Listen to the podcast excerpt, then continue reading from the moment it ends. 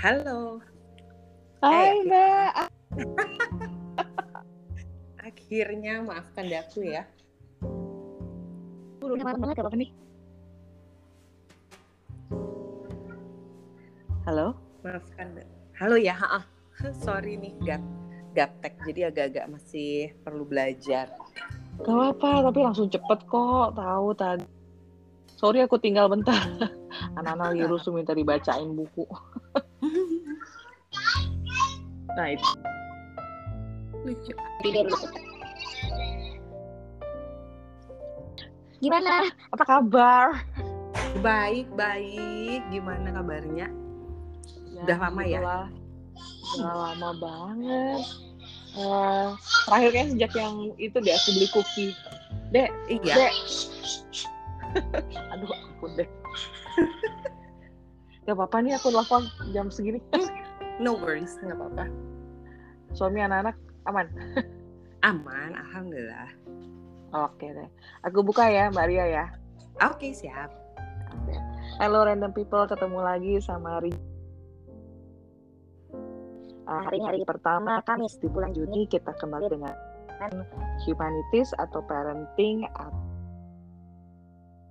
Nah, hari ini saya akan ditemani oleh Mbak Ria. Halo Mbak Ria. Halo, hai. Mbak Ria ini satu kampus sama saya, cuman senior banget, beda usia nggak usah. jadi jadi malu maksudnya sendiri. Aku yang lebih malu lagi. Tapi kan apalah nama. Tingkat kedewasaan kata orang. Cie. Um, terus malam hari ini kita akan ngebahas tentang kenapa sih anak perlu belajar bahasa Inggris. Kayaknya pas banget topiknya dibahas dengan Mbak Ria karena uh, dalam perjalanan karir Mbak Ria, Mbak sempat jadi guru di TBI, benar ya Mbak ya? Mm-mm. Oke. Dua, dua tahun lah kurang lebih ya. Berapa tahun yang lalu Mbak? Kira-kira kapan ya? Tahun 2004-an kalau nggak salah. Ah, selama berapa lama? Sekitar 2004 sampai 2006 kalau nggak salah ya. Jadi Ah, sudah berjuta tahun yang lalu ya. Iya, iya. Itu gimana ceritanya, Mbak? Mbak kan lulusan arsitektur. Heeh. Cuman aku pernah ikut webinar arsitek eh, 93 apa eh, ITB 93. Kalau nggak salah, Mbak tuh nggak pernah di profesi itu. aku nonton tuh.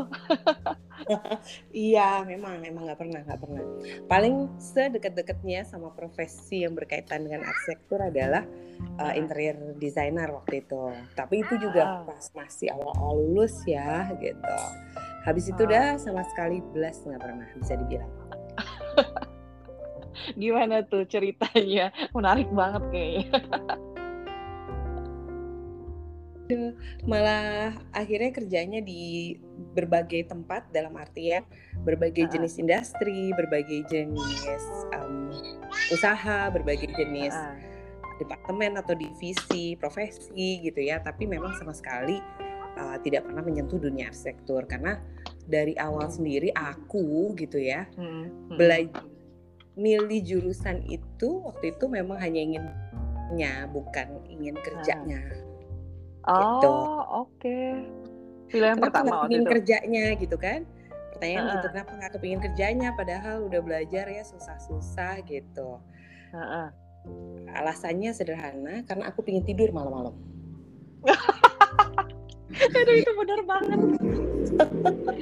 Soalnya pengalaman begadang. ya kuliah kayak kalau Oh, lagi oh. banyak deadline dan sebagainya aku tidurnya cuma setengah jam sehari Kebayang. satu dua jam lah maksimum gitu kan. Habis itu jam 7 tahu sendiri kan jam 7 udah di kampus. Ah. pulang jam 5 habis itu ikut organisasi karaoke main sama teman pulang sampai rumah jam. Jam puppy nih. 12 bikin iya. Eh kadang-kadang ada tempat lain juga. Apa Tuh? Main Lembang dunia itu bahagia banget ya Bandung Lembang deket dan gak macet Iya, zaman Gitu dulu kan. banget. makanya pulang jam 11 jam 12 langsung Terus? lembaran kertas kalkir atau Oke. kertas roti gitu kan gambar Iya, Eh, iya. balik lagi Jam sampai berapa? pagi dan itu kejadian berulang seminggu gitu kan nah jadi ya itulah aku pengen tidur yang lebih proper nggak begadang di lab itu yang yang ada hantunya itu deh. Oh tentu apa tidak. ngerjain ngerjainnya di rumah nih di tugas-tugasnya rumah di rumah di rumah. Ah. biar gimana penghuninya kan pasti lebih sedikit ya dibandingkan yang di kampus kan? Iya aku pernah ingin nemenin temen. Jadi nggak nggak aku aku nggak sih. Bahkan pada saat TA pun aku nggak TA di kampus. Maksudnya em, ya pulang jam 5 atau jam 6 habis itu em, main baru nanti malam kerja lagi gitu kan. Enggak, enggak sih aku kayaknya kalau dengar-dengar cerita temen lebih baik aku di rumah aja. Maksud lulus apa? nggak pernah di radio juga nggak salah kan nah itu sebenarnya sih yang pengalaman pertama. Setelah lulus tuh justru malah kerja di radio itu Ah, Padahal oke. sebenarnya aku tuh dari dulu bahkan sampai sekarang gitu ya kayak jarang banget dengerin radio. Heeh. Aku juga nggak ngerti kenapa akhirnya malah pekerjaan pertama I landed my first job itu sebagai penyiar. Padahal ya itu dia aku tuh sebenarnya nggak suka denger radio gitu. Bukan nggak suka radionya, nggak suka denger orang yang di penyiar ini bawel banget sih banyak ngomong. Tapi aku bisa langsung tahu kenapa bakal pilih too much gitu karena ya I learned it first hand lah bahwa ternyata yang tidak disukai itu malah menjadi pekerjaan. iya dan ngoceh sendirian itu susah loh Susah banget banget. Dan eh, apa namanya terus terang sih pada saat ngelam itu kan gimana ya? Aku tuh habis lulus aku bilang kan sama orang tua sama ibu sih. Karena kan ayahku udah nggak ada ya. Jadi aku bilang Hmm. sama ibu aku nggak mau cari kerja nih gitu. Aku mau santai-santai dulu lah. Udah empat tahun lebih aku belajar mulu sekolah. Boleh Iya, dong iya. aku break gitu. Jadi aku Iya. waktu itu pingin santai dulu, nggak nyari kerja, tapi ya sambil itulah sambil les bahasa Inggris buat ada kegiatannya daripada rusuh di rumah. Heeh. Terus adikku bilang, eh ini di sini ada lowongan loh jadi penyiar. Terus aku bilang apa-apaan tuh? Dia bilang, lu kan tahu gua nggak senang radio. Kenapa juga lu itu? Nggak apa-apa iseng aja kan lu nggak mau sesuatu yang terlalu sibuk. Dia bilang dia tahu aku sebenarnya um, masih kepingin santai-santai leha-leha. Tapi terus dia bilang, aku juga tahu lu orangnya nggak bisa diem, dia bilang gitu. Jadi lu pasti ya setelah sebulan pasti lu bosan karena lu nggak ngapa-ngapain, dia bilang. Coba aja iseng-iseng, kan nothing to lose. Toh lu nggak suka, jadi kalau lu nggak dapet juga lu nggak sedih-sedih amat. Aku pikir, hmm betul juga Iya, gitu ya. iya. Wait, eh, jadi akhirnya aku he or she, jadi akhirnya aku ngelamar lah itu. Ya Hmm. di antara semuanya oh waktu pas pas lagi kan ada tesnya ya. Ada tes pengetahuan tes tulis tes Oh, oh. ini itu tes ini itulah ya. Anyway pas ketemu sama apa peserta lainnya gitu ya yang yang dipanggil untuk tes itu kayaknya aku wah kayak yang paling cupluk deh karena yang lain tuh semeja tuh yang cerita eh gua itu paling ngefans sama si ini loh terus ada lagi yang bilang oh kan dia aliran musiknya ini itu ini itu yang begini begitu begini begitu yang aku sendiri tuh dengernya apaan sih tuh Roaming. berarti nggak tahu lagu sih tahu tapi aku nggak nggak hafal misalnya lagu itu dinyanyikan oleh siapa atau lagu itu Iya, judulnya iya. apa atau apa Heeh. kayak gitu tapi alhamdulillah lulus tes tulis terus kemudian ada tes suara juga lulus terus kemudian Heeh. ada training bahkan di training Heeh. itu juga kan kita bisa gugur ya bisa Iya. uh, bisa gugur sampai akhirnya ketemu hanya berapa peserta yang kemudian lolos gitu menjadi penyiar Iya. itu Iya. ya alhamdulillah masih keangkut aja gitu Boleh sebut merek radionya nggak di sini? Ah, boleh aja aku dulu di MS3 pertamanya Waduh. yang Oke, Mbak. yang yang bahkan dulu aku nggak tahu Trisakti itu persisnya di mana kacau tahu banget lah. Langsung penyiar penyiaran eh iya, siaran sendiri apa ada partner? Em, di sana sih kebanyakan sendiri ya Mm-mm. pada saat itu nggak tahu ya sekarang kalau di sana dulu tuh di tiap segmen acara tuh sebagian besar sendiri gitu bukan berdua Mm-mm, mm-mm. yang berdua tuh agak jarang Mm-mm. gitu Bawain apa, Mbak? ah aku Bawain segmen apa? Hmm, macam-macam mulai dari yang apa ya mulai dari yang eh, apa yang kirim-kiriman lagu kirim-kiriman pesan terus talk show gitu kan termasuk salah satunya dengan eh, ginekolog gitu jadi seru deh Ah. Apa Ngomongin apa kesehatan reproduksi? ah betul Masa? serius Kayak gitu. Kayak gitu enaknya dari radio bisa sambil ngapain sambil dengerin sambil informatif gitu deh. Iya benar. Terus em, jadi macam-macam sih mulai dari yang malam sampai terus kemudian pagi gitu kan. Maksudnya ambil ada acara pagi, ada acara siang gitu kan. Macam-macam sih karena aku juga cukup lama akhirnya di sana. Aku pikir kan aku ah cuma sebentar gitu, tapi ternyata kok seru juga ya gitu. Jadi akhirnya lah lumayan lah. Iya. Tuh. Gitu Kalau di kira-kira. radio kan juga suka ada job luar ini kan di luar kantor juga dilakonin Mbak. pada saat itu aku belum pas di awal-awal karena gini kenapa bahkan aku bilang itu saat um, not even in my wildest dream aku kepikiran jadi penyiar gitu kan. Satu Oke. karena aku bukan orang yang sering jadi radio maksudnya ya itulah tadi yang aku bilang ya ngapain sih orang mau dengerin lagu aja masih dengerin dia cuap-cuap kagak kelar-kelar lagi gitu. Dan aku ternyata menjadi salah satu dari mereka gitu kan. Kacau beneran. Terus nomor dua bahkan sampai aku lulus kuliah itu aku termasuk orang yang nggak bisa berdiri di depan atau berdiri di belakang dan ngobrol yang nggak jelas itu jangan harapkan ini terjadi sekitar beberapa juta tahun yang lalu gitu. Karena eh, bahkan waktu aku TA kayak aku kan TA ya bukan skripsi eh, tugas akhir. Karena kan project gitu kan desain. Heeh. itu temen-temen aku tuh pada bilang eh eh, lu nanti di depan mau ngomong apa? gitu kan. Gue juga nggak tahu gue mau ngomong apa. Karena mereka tahu aku tuh yang kalau udah disuruh maju tuh yang stres sendiri dan terus aduh grogi sendiri gitu. Tapi justru ternyata ya ya Allah memang bekerja dalam cara yang misterius dan Heeh. terkadang dalam tanda kutip lucu ya gitu mendorong kita untuk naik kelas itu dengan cara justru eh, diceburin gitu ke sesuatu yang Iya. tadinya tidak terbayangkan. Nah kalau di aku, uh, aku yang nggak berani berdiri di depan, aku yang nggak berani uh, muncul, ini malah dicemplungin sebagai penyiar gitu kan.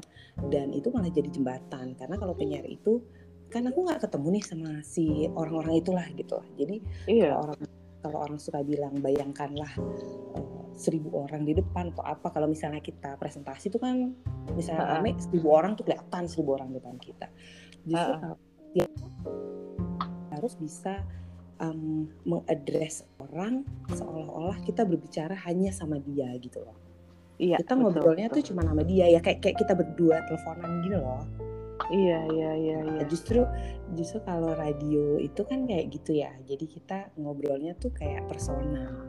Jadi itu mungkin yang buat aku juga merasa nyaman. Nah, dengan Hmm. semakin banyaknya jam terbang gitu kan. Jadi kan kita semakin rileks, semakin santai. Terus kemudian ya itulah aku diceburin lagi ke yang berikutnya gitu, ke naik kelas yang berikutnya gitu. Naik kelas menjadi ya MC lah, jadi uh, guru les gitu yang salah satunya yang Mm-mm. TBI itu sampai akhirnya Mm-mm. sekian tahun kemudian aku beneran jadi dosen itu suatu profesi yang aku sama sekali nggak kebayang karena itu tadi nomor satu bukan masalah bisa atau enggaknya ya gitu Ha-ha. tapi masalah bisa atau enggaknya berdiri di depan nah itu sih kata kuncinya Jadi kan beneran cemplunginya kan di as. Kalau dorong-dorong, ayo berenang, berenang. Nggak bisa, udah ceburin aja, Heeh. langsung di jadi kayak iya beneran. Makanya kalau kalau ketemu teman-teman aku yang dulu gitu mereka pun kalau bilang ya Allah lu ternyata jadi dosen ya. Iya makanya. Bilang gitu. Gue dulu juga nggak kebayang tuh berdiri di depan ada mahasiswa ada begini aduh. Oh, tapi waktu di di PSM kan sering manggung, Mbak. oh, saya akan beraninya keroyokan Like everyone else. Aduh. kan keberanian itu datang karena kita barengan. Oh iya. kan nggak mungkin dong ngajar di depan rame-rame gitu ya gitu. Jadi itu sih kalau makanya akhirnya ya itulah akhirnya nggak ya ngajar jadi MC ya. Jadi host jadi apa. Nah itu sebenarnya sih uh, karena pelan-pelan naik kelas itu gitu makanya oh. kalau ditanya oh iya kan kalau radio kan suka ada job-job of air gitu. Jadi MC diambil juga nggak oh tidak. Saya belum seberani itu pada saat itu. Kalau mereka nggak nyambung muka BT-nya bisa bikin kita down ya sih?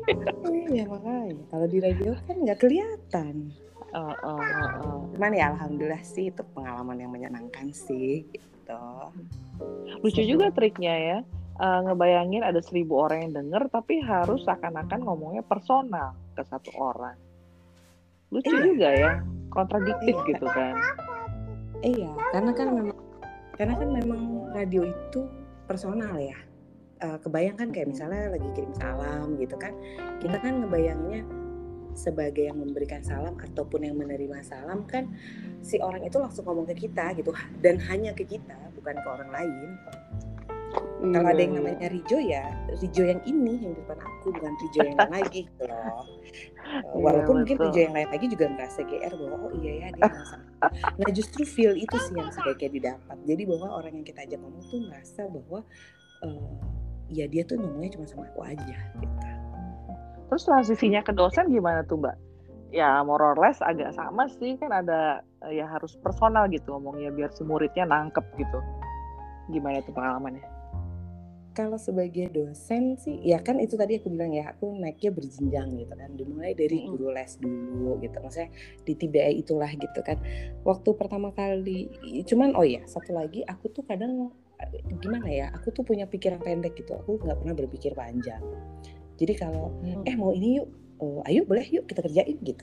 Contoh nih okay. yang lagi di depan ini nih nge-podcast gitu ya. Aduh semua aku nggak pernah nggak nggak tahu namanya podcast cuma dengar dan oh podcast ya tapi gimana ya caranya ya? Kalau nggak diajakin juga nggak bakalan gitu kan. Rijo kan waktu itu nanya oh yuk kita kita ini mau nggak? Oh oke okay, boleh gitu kan. Terus udah gitu podcast tuh kayak apa ya? Terus gimana ya? Uh, uh. terus mulai bikin akun seminggu lalu Tapi kayaknya ya. pikiran pendek pikiran pendek itu yang terus kemudian uh. mengantarkan aku ke jenjang berikut. Termasuk pada saat uh. itu uh, menjadi guru les gitu kan jadi waktu itu um, ada opening, ada lowongan di TBI sebagai guru bahasa guru les bahasa Inggris lah ya, pengajar bahasa Inggris.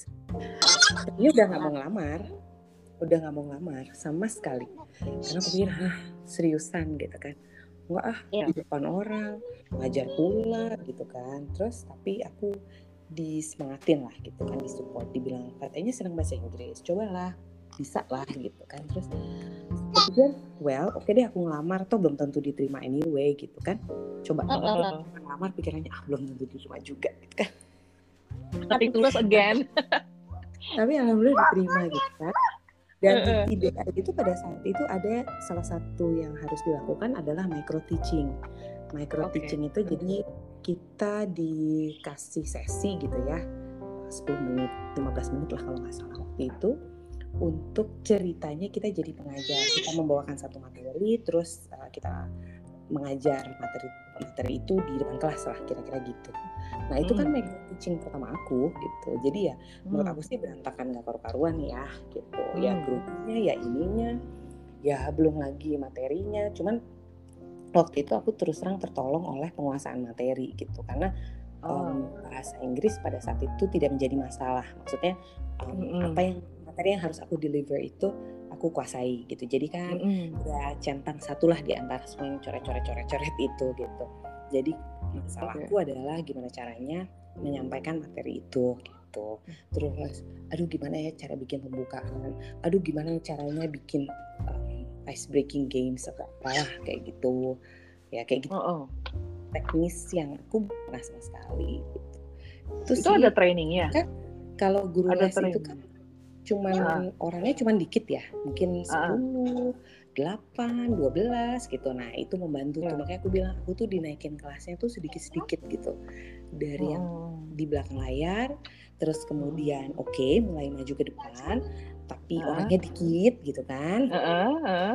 terus udah gitu kan kalau TBA itu sebagian besar orang kerja ya jadi mereka lebih behave dibanding anak SMA yeah. gitu kan iya, iya.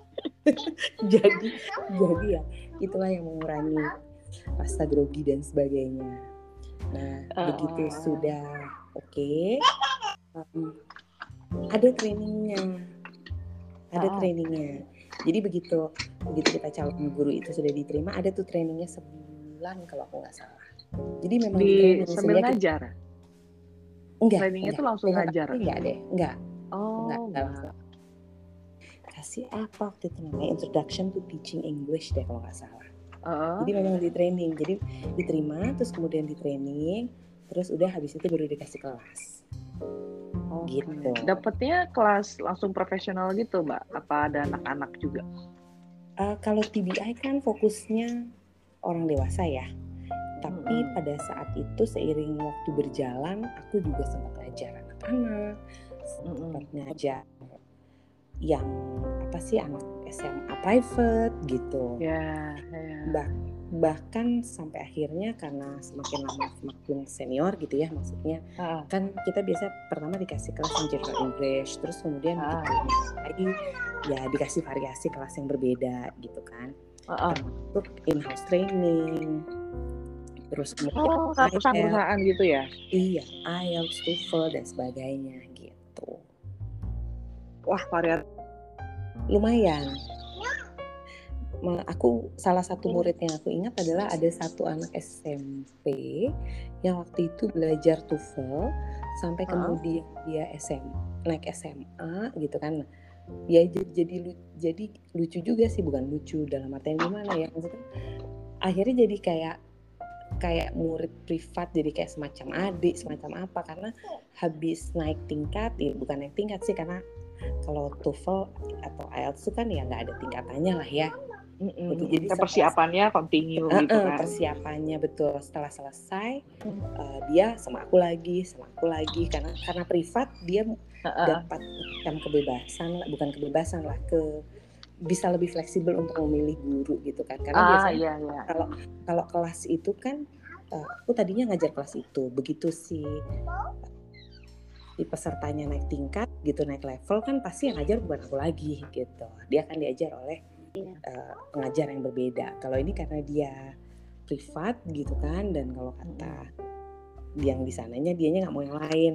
Alhamdulillah cocok sama Mm-mm. aku ya dia terus sampai akhirnya di SMA jadi kayak murid privat pribadi padahal sebenarnya di lembaga Tapi kayak melihat perkembangan Perkembangannya ya. lucu sih iya. Iya, sih. bagian tumbuh kembangnya jadi remaja gitu kan mengharukan sih. Iya, karena karena akhirnya kadang-kadang ya namanya masih apa ya, masih ABG lah ya. Jadi kadang dia suka cerita temennya, dia suka Iya. cerita sekolahnya gitu. Kalau Iya. misalnya memang kelas kan biasanya ya benar-benar ya Belajar belajar, terus aja. ya mungkin kalaupun ada sampingan kita cerita gitu ya di luar pelajaran kan nggak banyak lah gitu. Tapi justru Ah. karena menerus gitu kan akhirnya jadi ada kedekatan gitu kan. Jadi seru sih seru sih karena ketemu banyak orang. Dan muridku sendiri alhamdulillah baik-baik gitu. Aku pernah dikasih hadiah ulang tahun pernah gitu aduh profesi sebagai guru atau dosen tuh rewardnya baik banget deh. Iya, kepuasan batin dapet. Terus kalau ada gift-gift kecil gitu kan juga menyenangkan banget lah. Part yang terbesar adalah ya setelah sekian tahun kemudian kita ketemu Mm-mm. mereka di jalan yang berbeda gitu ya mereka ah. kita kita bisa lihat oh iya aduh ya ampun dulu kamu tuh pik banget ya sekarang kamu sudah jadi ini sudah jadi itu gitu Iya, iya, iya, iya, iya.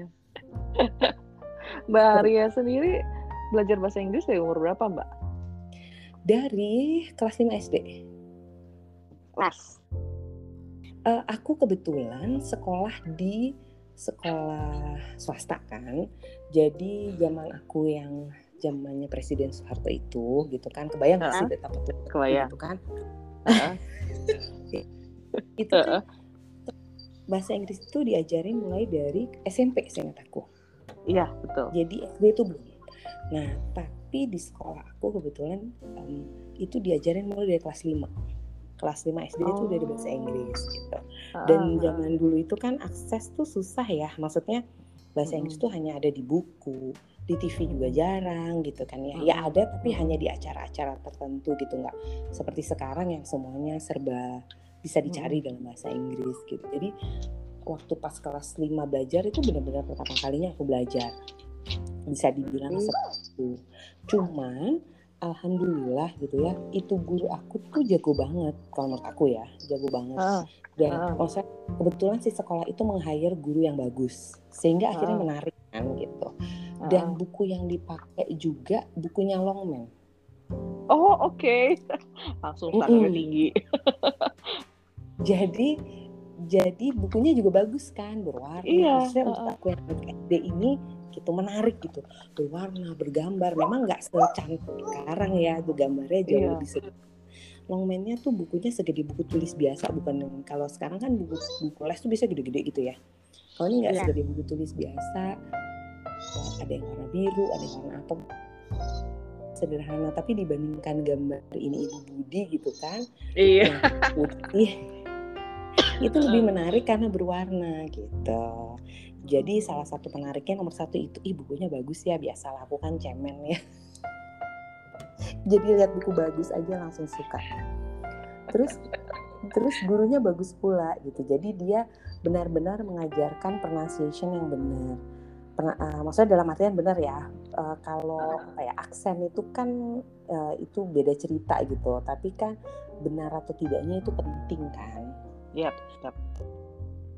Eh, jangan orang kadang salah kaprah ya dalam artian gini banyak yang berpendapat bahwa eh kalau aku aksennya kayak orang Amerika atau kayak orang Inggris Mm. ataupun kayak native lainnya bagus nih gitu. Karena orang Mm. rata-rata kan suka yang wow dia kedengeran kayak native ya padahal mungkin pronunciation-nya nggak benar gitu. Nah si guru aku ini lebih menekankan ke pronunciation yang benar. Kalau kita Mm. bisa punya aksen tertentu yaitu bonus lah gitu tapi yang penting Mm-mm. benar atau enggaknya jadi aku diajarin yang benar dari awal Gitu. terus eh, waktu itu ibu aku kan dapat beasiswa ke Amerika Oh, jadi oke. enggak sih enggak aku di Jakarta gitu karena kan Oh. waktu itu aku posisi kelas 5 hampir kelas 6 jadi nggak mungkin ikut Nah, Mm-mm. yang aku mau ceritakan adalah jadi dari sana eh, ibu aku tuh bawa kamus yang aduh sama jengkalan aku sekarang yang 20 cm aja kayaknya kamusnya lebih lebih Ah. tebel lagi gitu. Iya, iya, Webster iya. Dictionary kan kalau Amerika kan iya. Webster. Jadi Iya. sumber belajar aku pada saat itu lumayan gitu. Aku Ah, disediakan kamus yang benar gitu ya. Cuman yang eh, kalau zaman sekarang gampang ya cari kamus yang bagus gitu. Zaman dulu kan agak sulit ya. Kebanyakan kadang-kadang Heeh. kamus ala-ala yang eh, gimana ya Eh, cara membacanya aja belum benar gitu loh Ah iya, pernah ada aturannya itu. iya Cara jadi- bacanya. Heeh. betul jadi aku tuh amat sangat diuntungkan dengan resource yang cukup gitu loh ah. punya Mbak, itu- punya kamus yang memadai punya Ah, eh, itu apa guru yang oke gitu kamus Merriam-Webster berarti English to English dong, langsung kamusnya. Sama Iya, thesaurus. Betul. Wah, iya itu, Itu aku bagus belajar dari awal kayak gitu. Jadi Heeh. bukan memang mikir dalam bahasa lokal Inggris kita. Indonesia pun ada yang Hasan Sadili ya kalau nggak salah Iya, zaman iya, kuliah. iya, iya. Nah, Iya, jadi iya, memang iya. orang tua aku alhamdulillah memberikan resource yang benar. Bukan hanya karena nyari ah yang pocket yang kecil enggak, tapi justru mereka istilahnya nyarinya yang tebel-tebel yang lengkap.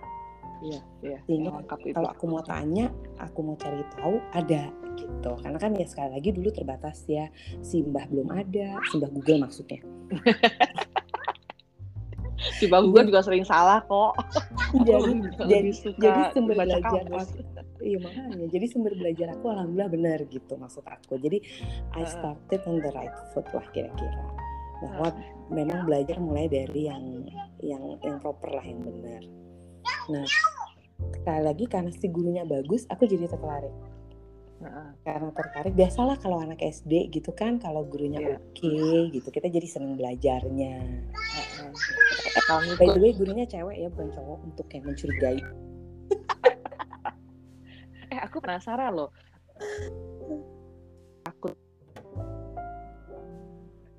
Mereka bingung dengan segala macam tenses. Kita kan kan bahasa Indonesia cuma tambahin kata sekarang dulu udah cukup kan untuk eh, keterangan Mm-mm. trik guru. Mm-mm. Eh, sebenarnya sih apa ya gimana ya si guru ini kalau aku sih gini yang aku ingat dari si guru ini adalah bukan cara dia mengajarkan tenses atau apa tapi yang aku ingat adalah tugas-tugas yang dia kasih gitu. Kalau menurut aku Heeh. Em, untuk anak zaman dulu yang belum punya dasar gitu ya. em, itu kan aku pertama kali belajar kelas 5. Kelas Mm-mm. 6 itu aku masih ingat karena itu aduh aku bikinnya kayaknya susah banget hidupku ini gitu ya.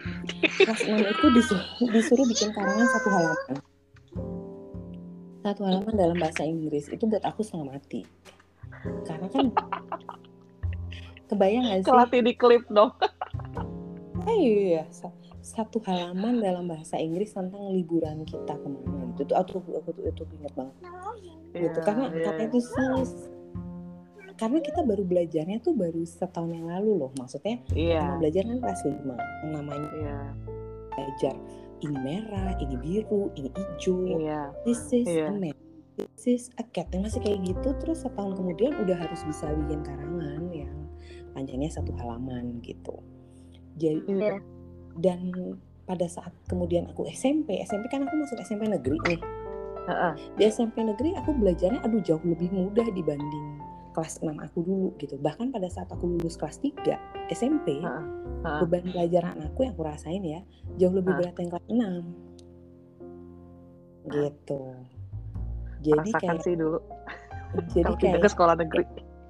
iya, jadi kayak pada saat kelas 6 itu jadi pada saat pertama belajar itu sudah di-push untuk untuk belajar yang sulit gitu kan. Sehingga pada saat SMP, eh kok gampang banget gitu. Jadi aku punya banyak waktu luang untuk ngulik sini, untuk ini, untuk itu gitu.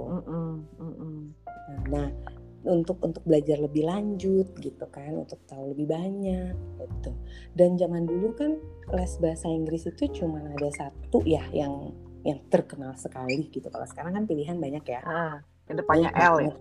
Gitu. Iya betul tiga huruf Les depannya itu tiga huruf. Aku juga alumni situ soalnya. Dan itu hanya bisa SMA kan?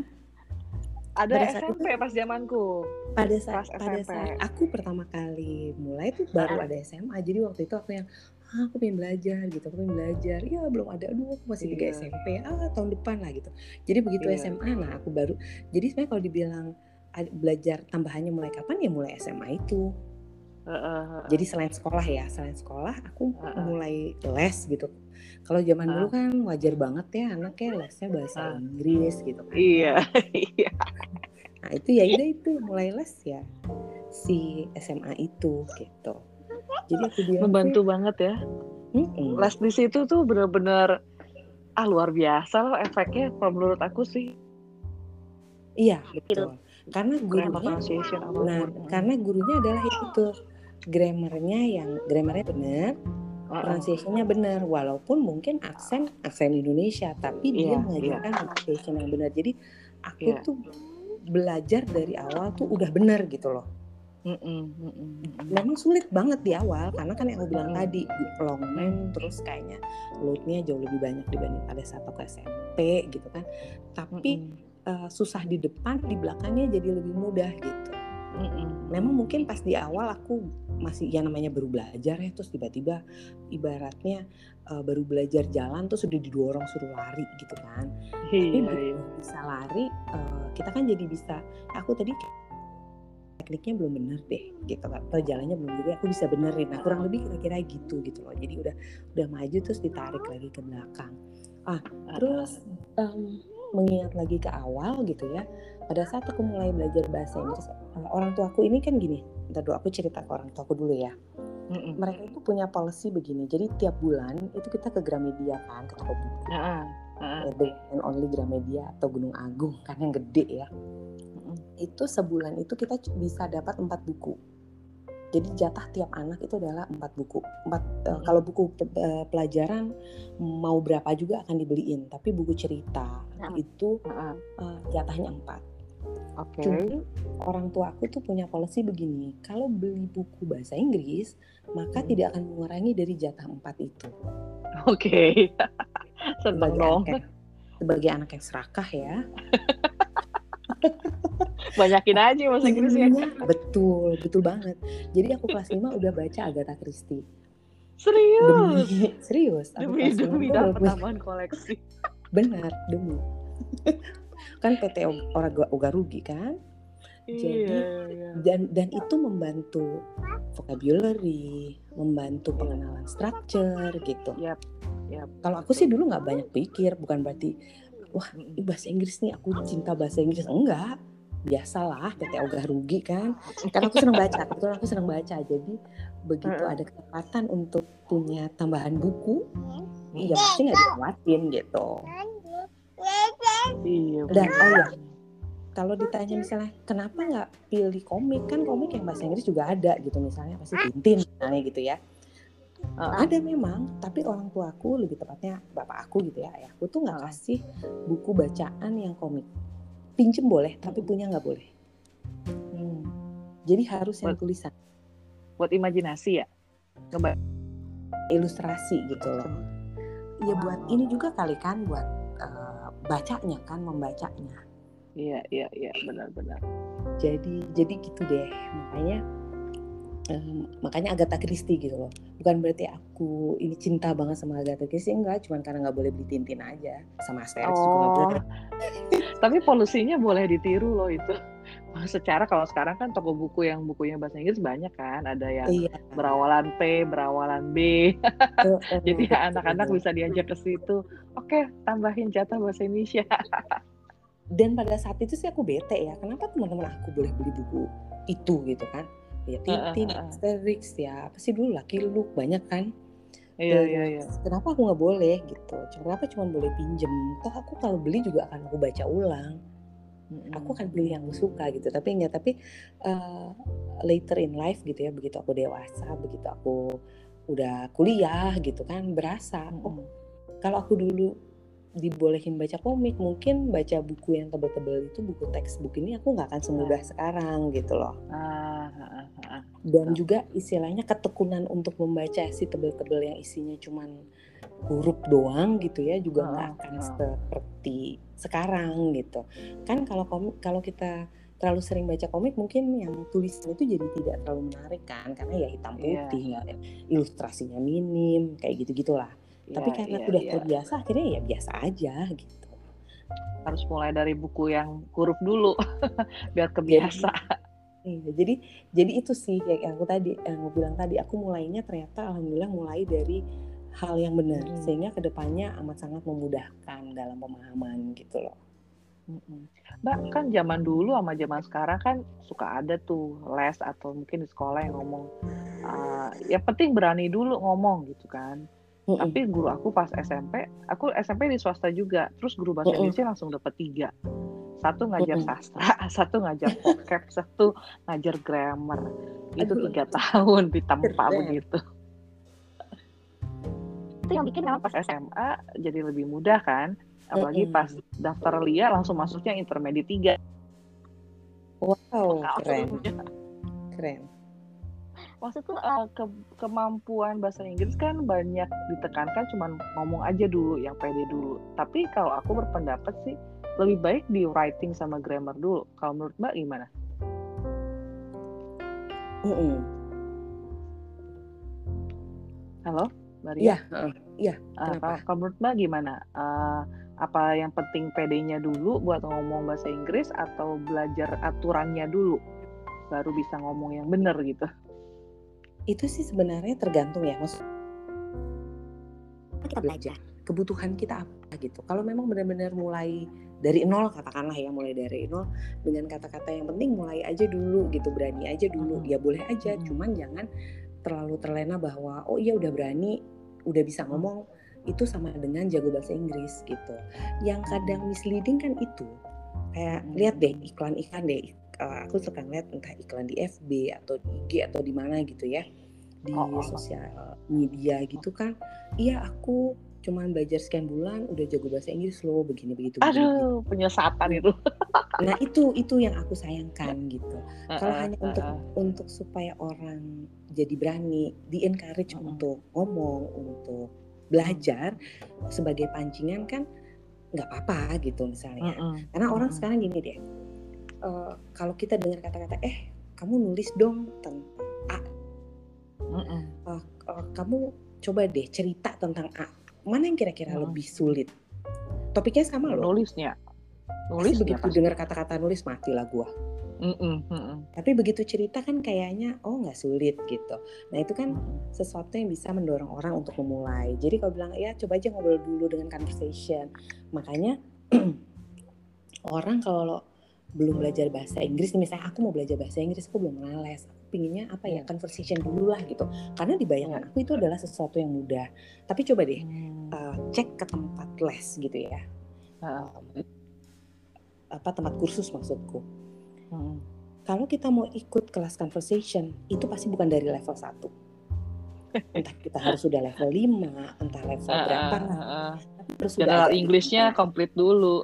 pasti pasti nggak ada Iya. yang eh aku benar-benar baru mau mulai nih bisa nggak aku aku bahasa Inggrisku nol lah katakanlah atau uh, setengah lah gitu kan ya jadi benar-benar masih pemula ada nggak kelas conversation untuk pemula itu biasanya sih nggak ada Iya, kalau di tempat iya. kursus yang memang sudah established ya maksud aku Iya, iya. biasanya di tempat kursus yang sudah established itu kelas conversation justru dimulai pada saat dia sudah melewati tahap elementary atau beginner. Hmm. Berarti apa? Sebenarnya eh, bicara itu harus ada dasarnya, Mm-mm, mm-mm. bukan ada hanya basicnya sekedar menyampaikan pesan gitu. Cuma saya menyampaikan bukan cuma sekedar menyampaikan pesan itu cuma bukan cuma sekedar bilang me eat gitu misalnya contoh ya. bukan Iya, bukan iya, hanya cuman bisa bilang sepatah dua patah kata. Tapi karena kan sebenarnya esensinya itu adalah pesan yang tersampaikan itu diterima dengan benar. Memang mungkin strukturnya nggak nggak sempurna tapi setidaknya dasarnya sudah ada gitu. Biasanya sih gitu. Makanya itu itu salah satu bukti bahwa kalau misalnya conversation atau ngomong itu juga harus kita punya foundation yang cukup lah gitu atau mendekati cukup. Karena kan kalau kita sudah lolos dari kelas pemula atau beginner atau elementary Nah, itu kan berarti at least kita punya dasar yang ya lumayan lah kalau misalnya kita bingung-bingung bisa masih bisa dicari oh ya ini ini gitu. Karena kalau enggak iya, iya. kalau benar-benar dari nol atau amat sangat awal ya pasti percakapannya ya juga terbatas gitu. Kan kita nggak mau Iya, dong cuma ngomong sekedar how are you? Fine. Iya. gitu. Atau Terus pas ngomong salah. Mat gitu kan. Heeh, Juga, pas- kan kita mau maintain conversation itu gitu. Gitu sih jadi Iya, buat aku kalau memang mau dibawa sebagai ajakan supaya orang mencoba boleh aja. Tapi sembari belajar ngomong juga belajar strukturnya itu harus dilurusin. Karena kalau enggak ya sampai selamanya nggak akan benar gitu. Dan yang dibilang aku aku jago bahasa Inggris setelah belajar sekian bulan itu akhirnya jadi semacam fata morgana aja gitu Halu, halu itu mbak, bukan merasa morgana, oke. halu. Oh, oh, karena sudah nerocos, tapi ternyata ya, ya kan karena kan bahasa Inggris itu kalau kita pronunciation-nya salah, mungkin artinya juga bisa jadi beda gitu. Benar, benar. Sehingga pesan yang tersampaikan juga kacau gitu. Belum lagi kalau belajar bahasa Mandarin ya. Aduh, itu Oh iya. Maksudnya dalam artian uh, dia bukan cuma pronunciation aja, tapi stressing, intonasi dan sebagainya itu lebih kompleks lagi. Terjebak kesalahan tuh besar banget. Iya, aku akan menghadapi itu mulai Juli. Anakku belajar. Mandarin di sekolah. Anakku, anakku. Lesin, lesin. Mamanya nggak sanggup. Bahasa Korea aja mamanya. Aku dulu pernah tuh cuman uh, pas lagi tapi belum booming ya Heeh. gitu. Tapi terus kemudian nggak diterusin karena jamnya kurang pas sih. Hari Sabtu 4 jam aku nggak sanggup deh. Oh, itu berat, berat banget. Nggak sanggup Aku pilih-. Karena ternyata Iya, di iya, tengah iya, iya. ada ada ini. ya tapi kurang lebih gitu sih kalau menurut aku. Nanti Mm-mm. tapi juga jangan terus ah harus nulis gitu maksudnya karena kalau kita benar-benar menggariskan nulis versus eh, apa namanya conversation gitu orang pasti akan milih conversation dan mereka pikir nggak perlu nulis atau nulis doang gitu orang kalau dengar Mm-mm. kata-kata menulis atau writing class itu pasti bayangannya satu bosan dua capek Mm-mm. empat aduh ya allah itu kayak perasaan hidup sulit banget ya ini pasti yang ditekankan structure yang ditekankan ini gitu Heeh, karena kan sebenarnya menulis itu juga bisa jadi sesuatu yang maksudnya jangan bayangin nulis yang panjang gitu. Tapi Heeh. misalnya bayangin yang simple aja yang cuma dua tiga kalimat. Gimana ya? As simple as kita misalnya mengucapkan selamat ulang tahun gitu ya. Iya. Eh, mengucapkan selamat ulang tahun kan misalnya selamat ulang tahun ya semoga sehat dan bahagia gitu contoh. Nah Iya. kalau selamat ulang tahunnya itu kan udah template ya. Iya. Tapi coba coba kita coba menuliskan semoga sehat dan bahagia gitu misalnya dalam bahasa Inggris. Mm-mm. Kan itu Mm. belum tentu tepat juga gitu pilihan kata kita, strukturnya gitu. Jadi kan sebenarnya bisa sesederhana kartu ucapan dan dengan cara yang sederhana itu pun kita bisa belajar. Jangan langsung dibayangin, aduh aku harus nulis email, harus nulis laporan, aduh itu mah horor gitu kan kalau kita masih di. Ah, Tapi kalau misalnya, eh coba deh kamu nulis ini kartu ucapan misalnya. Nanti udah kartu ucapan, eh, coba kamu nulis pesan ke teman kamu, bilang kamu mau ke, kamu lagi liburan, mau ke kota dia, terus eh, Mm-mm. mau ke tempat Ketemuan dia, yuk. yang hari gitu, ketemuan yuk gitu. Mm-mm. Atau kamu bisa nggak nganterin aku ke sini sini sini. Nah itu kan sederhana, eh, semi conversational gitu kan Mm-mm. pendek dan kayaknya nggak sulit gitu. Jadi semuanya sih dari dua itu bisa digabungkan. Tapi ya itu dia kalau mau sebagai penarik dibilang belajar ngomong dulu ya boleh, tapi jangan jangan kelamaan gitu. Harus mulai ditarik ke structure-nya. Iya, iya. Gitu sih. Jangan sampai pas ngomong malah karena nggak tahu basic grammar ngomongnya I eat, she Iya. eat gitu kan. Itu kan Nah, cukup annoying. Dan sayangnya ini ini ini sih aku Ah. aku perhatiinnya setelah sekali lagi setelah aku dewasa ya gitu. Iya. Orang kita itu kan orang Indonesia ya dan tinggalnya seumur umur di Indonesia. Jadi yang aku Hmm. jadikan referensi, aku hanya bisa menjadikan referensi ya orang-orang Indonesia secara umum lah ya. Belum bisa orang negara lain karena aku juga belum pernah tinggal di negara lain. Eh, kita itu banyak keinginan. Kita ingin anak kita lebih maju dari kita itu natural banget itu pasti. Oke. Sehingga akhirnya memperkenalkan bahasa Inggris dari awal gitu kan. Iya. Cuman sayangnya yang aku suka perhatikan adalah orang tua orang tua itu pada saat Mm-mm. memperkenalkan bahasa Inggris ke anak itu sebagai vocabulary, Oh, oke. tidak sebagai Heeh. satu kesatuan utuh. Misalnya, eh itu tuh lihat deh, itu ah, ada balon tuh, balonnya warna apa? Coba red atau green? Oke, oke. Nangkep deh. Nah itu ada fish nak, tuh lihat tuh fishnya bagus ya gitu. Ngerti ya maksud aku? Ngerti konsistensi bahasa Jadi- sebenarnya. Jadi akhirnya betul. Jadi akhirnya anak itu kaya vocabulary tapi nggak tahu naruhnya. Betul. Terus bingung bahasa ntar Gitu. ujung-ujungnya. Gitu. Itu itu sih sayangnya begitu. Bukan berarti nggak boleh, boleh. Tapi misalnya kita eh, apakah bilingual boleh? Buat aku boleh aja, tapi dengan definisi Mm-mm. bahwa dia harus selesai satu kalimat. Mm-mm. Gitu. Misalnya em, apa ya? Kembali lagi ke balon lah. Misalnya, Mm-mm. do you like the red one? Kamu mau yang merah? Ah, translation at that time. Jadi dia tahu Nah, relevansinya misalnya- antar bahasa. Iya, karena anak itu menurut aku sih anak itu pinter ya. Maksudnya Mm-mm. anak kecil itu lebih pintar dari yang kita duga gitu. Mereka Iya. menyerapnya, memahaminya walaupun dengan cara yang kita tidak mengerti, tapi tapi mereka ngerti bedanya. Kalau Iya. kita ngomongnya begini, ini adalah structure bahasa A. Kalau kita ngomongnya begini, ini structure bahasa B dan mereka bisa. Iya, Mereka bisa betul, bedainnya. betul. Mereka ngerti. Setuju banget itu. Gitu.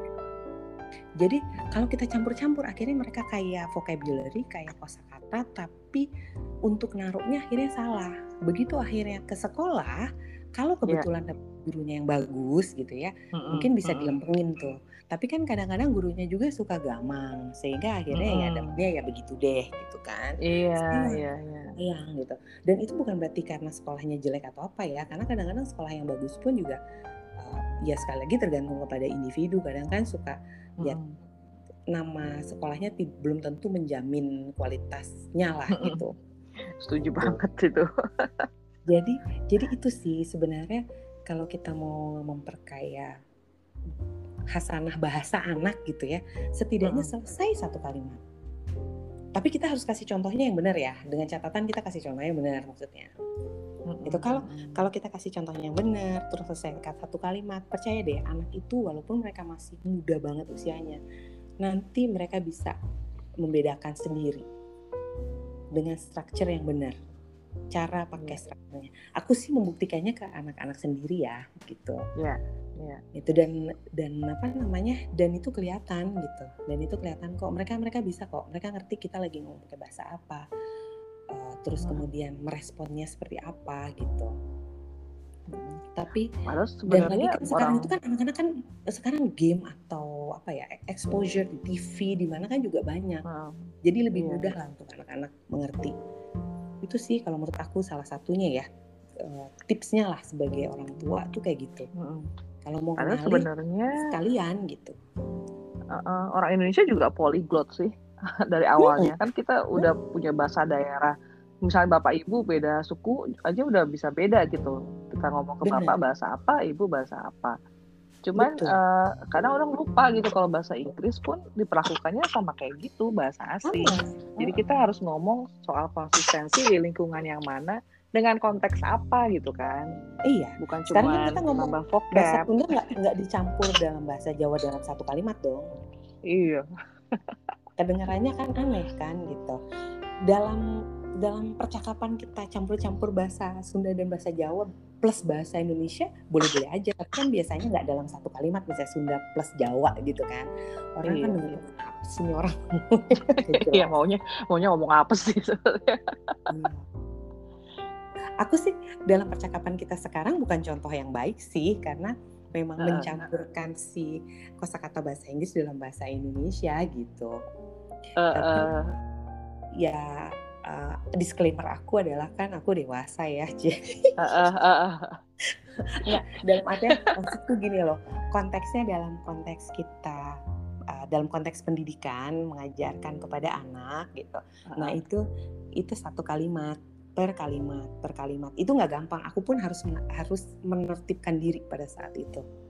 Iya, Ya, ya. Gitu. Jadi karena kita keceplosan, Heeh. karena kita nggak tahu padanannya juga. Iya, Kayak kan- sufficient misalnya. Heeh. Ah, ngomong cukup aja kayaknya bukan itu sih. Kan enough juga cukup gitu kan. Iya, kadang Tapi kan ada ya yang itu. nggak pas. Karena memang dalam bahasa kan gitu. Jadi Mm-mm. tidak semua kosakata dalam bahasa A bisa plek-plek sama ke B gitu. Atau sebaliknya. Karena memang eh, semua bahasa bukan hanya bahasa Indonesia ke Inggris atau sebaliknya, tapi bahasa bahkan bahasa Sunda ke Jawa aja Hmm, kadang ada yang kok kayaknya nggak ada padanannya apa ya gitu. mm, mm, mm, mm. Atau Betul. ada sih padanannya, cuman kalau kita ngobrol kayak gini kok kayaknya aneh ya kalau aku misalnya pakai kata-kata gawai gitu misalnya. Iya, iya. terdengar terlalu resmi atau terlalu baku gitu sehingga akhirnya Perlu lebih memilih lebih memilih pakai kata gadget gitu kan Iya, iya, iya, iya. Gak bisa, ya cinta bahasa Indonesia bukan berarti benar-benar menutup kemungkinan pakai bahasa asing sebenarnya. Ada kan ada orang yang langsung ambil garis ekstrimnya gitu kan. Sama sekali nggak bahasa asing. Padahal kita ada di era apa? Bahasa Inggris itu perlu. Tapi ngajarinnya juga perlu cara yang benar. Dan orang-orang tua yang aku tahu yang menjadi nambahin bahasa Inggris sebagai vocabulary adalah orang-orang tua yang memang pengen anaknya lebih maju, cuman mereka sendiri nggak bisa bahasanya. Jadi mereka juga grasping Demi vocabulary gitu untuk membantu Mhm. anaknya. Iya. Karena ketika anaknya tidak mampu menangkap malah jadinya kacau ke depan gitu. iya Usahanya sayang. dihargai sih. Sayang Betul. banget tapi. sayang sayang. Karena karena itu dia aku bilang anak itu pinter banget gitu. Mereka memang ya kalau orang bilang kalau dulu kan kata-katanya adalah anak itu seperti sponge gitu ya. Dia bisa menyerap lebih cepat dibandingkan kita yang sudah jauh lebih berumur karena isinya udah kebanyakan gitu. Ibarat kata habisnya udah dikit lagi penuh gitu kan. Nah sehingga eh, informasi itu sadar atau tidak sadar terekam di dia nah nantinya kalau terlalu lama itu dibiarkan ya nanti dia akan seperti itu gitu sayangnya seperti itu Mm-mm. kayak anakku dulu ya waktu TK-nya kan dia TK nasional ya TK kurikulum nasional Eh, di apa nggak juga terus di rumah pakai bahasa Inggris dan diajarkan apa enggak kita biasa aja terus Mm-mm. begitu masuk SD-nya kan masuk SD yang SPK tuh yang apa Mm-mm. namanya bahasa Inggris Bilingual ya? Dasarnya pakai bahasa Inggris gitu Heeh, heeh. memang perlu adjustment untuk kemudian dia dari belajar BA, BA, BI, B Hmm. gitu kan. Dengan pakai pakai pakai cara membaca yang berbeda karena di sekolahnya kan menjadi pakai bahasa Inggris kan. Tapi Iya. itu paling tiga bulan lah gitu penyesuaian. Habis itu lancar. Sekarang bayangin kalau kita yang harus switch begitu, pasti penyesuaiannya lebih lama. Iya. Sebenarnya asalkan dasarnya tepat gitu, anak itu cepat menyesuaikan diri. Nah itu dia, kalaupun kita mau mengenalkan bahasa, menurut aku Mm-mm. itu tadi Mm-mm. per kalimat deh, konsistensi per kalimat aja. Mungkin kita nggak bisa menjaga supaya dalam seluruh percakapan kita full bahasa Inggris misalnya, nggak apa-apa, pakailah bahasa Inggris tapi ya fullnya satu kalimat aja gitu. Nanti mereka ngerti kok bahwa pada saat kita switch itu maka itu bahasa yang lain. Iya, iya, iya. Hmm. Toh, Ini eh, anakku ini mbak, Mm-mm. anakku milih sendiri bahasa ibunya. Jadi dia tuh baru bisa ngomong umur tiga setengah tahun. Yang Ah. anak kedua tuh, Eh, itu juga Mm-mm. kan TK-nya bilingual kan kayak kakaknya. Terus Mm-mm. eh, satu kali aku dipanggil sama homework teachernya, dibilang gini, Mam Mm-mm. kayaknya anaknya belum siap sekolah. Dia nggak Mm-mm. ngerti instruksi, nggak mau ngungkapin apa pendapatnya segala macam. Jadi di kelas tuh dia bener-bener eh, apa ya membangkang gitu ya setengah Mm-mm, tahun mm-mm. sekolah tuh. Kita mau pulangkan aja, berhenti aja, balik lagi tahun depan. Itu kata guru yang lebih muda. Mm-mm. Mereka kan tak tuh. Mereka bilang gini dia bilang gini "Ah, mam coba dicoba nih eh, liburan akhir tahun nih satu minggu konsisten bahasa Indonesia. Bahasa Indonesia aja berusaha lah. Satu minggu lagi bahasa Inggris. Coba kerjain selama itu aku kerjain setengah mati karena nggak pengen dia telat ngomong yang sampai parah gitu kan. Tahu nggak sih mbak pada akhir minggu keempat dia ngomong full sentences itu keluar itu vocab. Aku sampai hah? Jadi selama ini terpendam gitu aja ya. Dan itu dia konsisten pakai dari umur tiga setengah sampai umur tujuh. Uh-uh. jadi baru setelah online gini uh, Mm-mm. dia mulai uh, nangkep gitu kan bahasa Indonesia gimana padanannya gimana walaupun bukan kata per kata. Dia sendiri yang milih jadi mother tongue-nya apa dan pengennya itu Lucu. itu buat kita kan jadi mau nggak mau harus bilingual all the time di rumah karena kakaknya milihnya bahasa Indonesia Oh, terus sekarang anak ketiga nggak tahu deh apa yang dia tangkep nanti beda-beda. Nah, cuman ya itu, kadang ada anak yang gini loh, ada anak yang dia tidak akan produce sampai dia siap.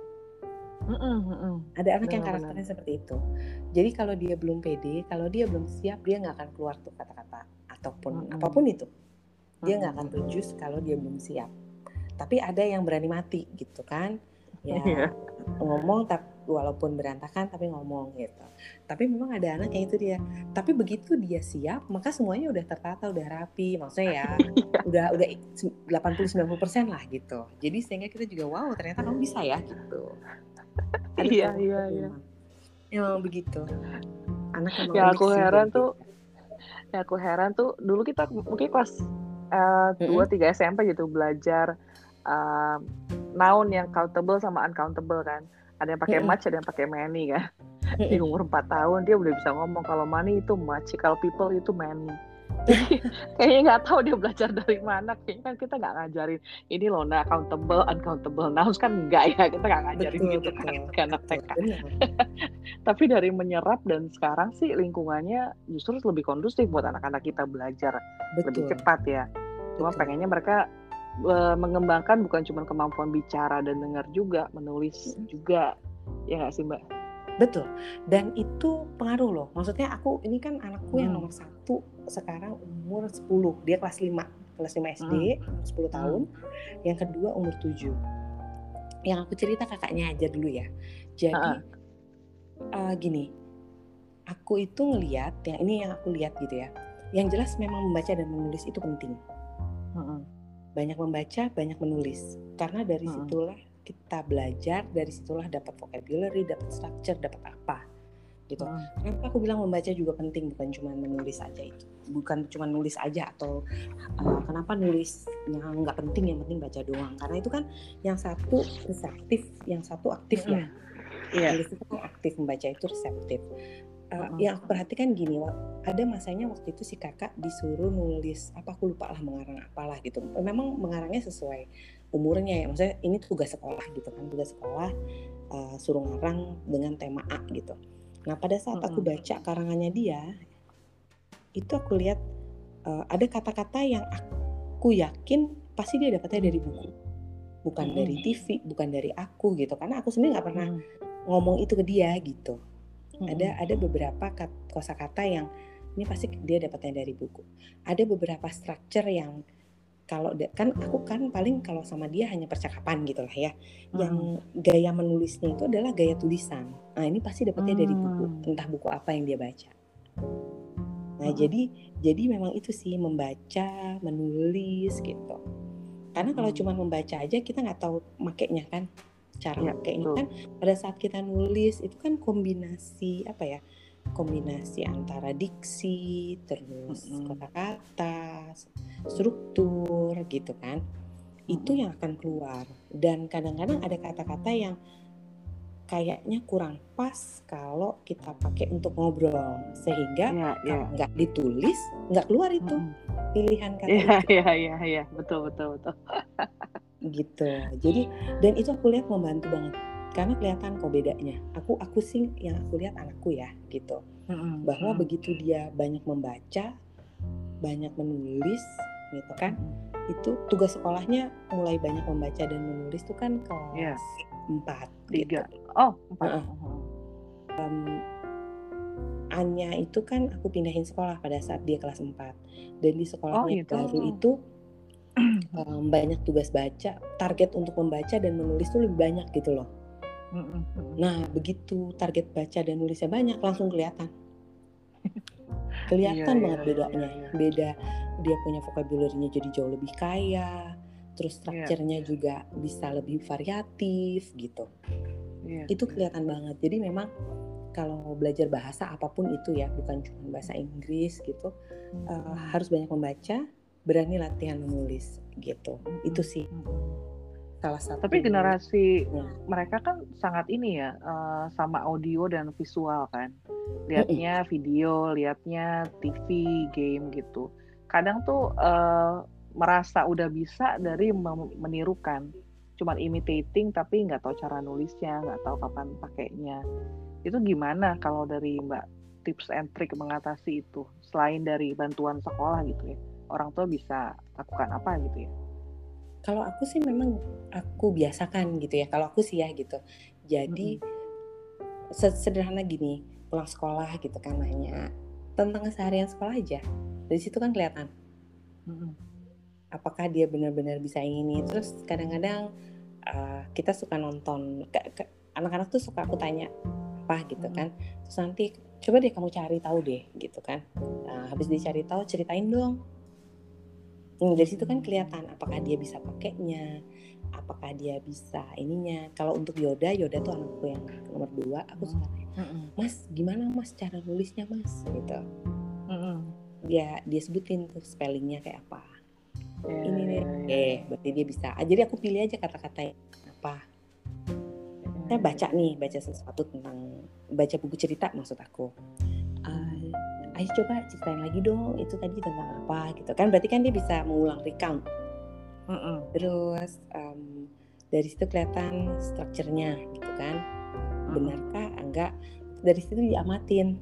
Dia yang banyak salah apanya ya gitu. Tadi misalnya Mm-mm. contoh match sama Manny lah contoh.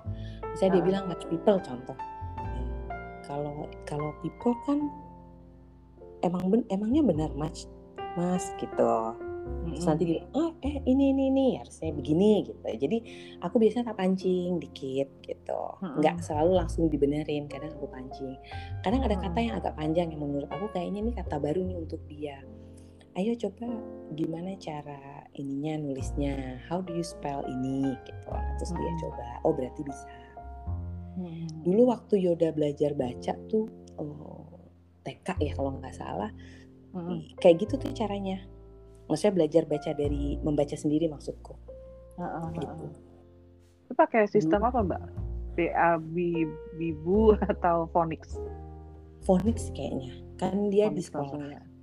Aku Ah. terus terang dia banyak belajar bacanya tuh di sekolah yang bahasa Inggris kan.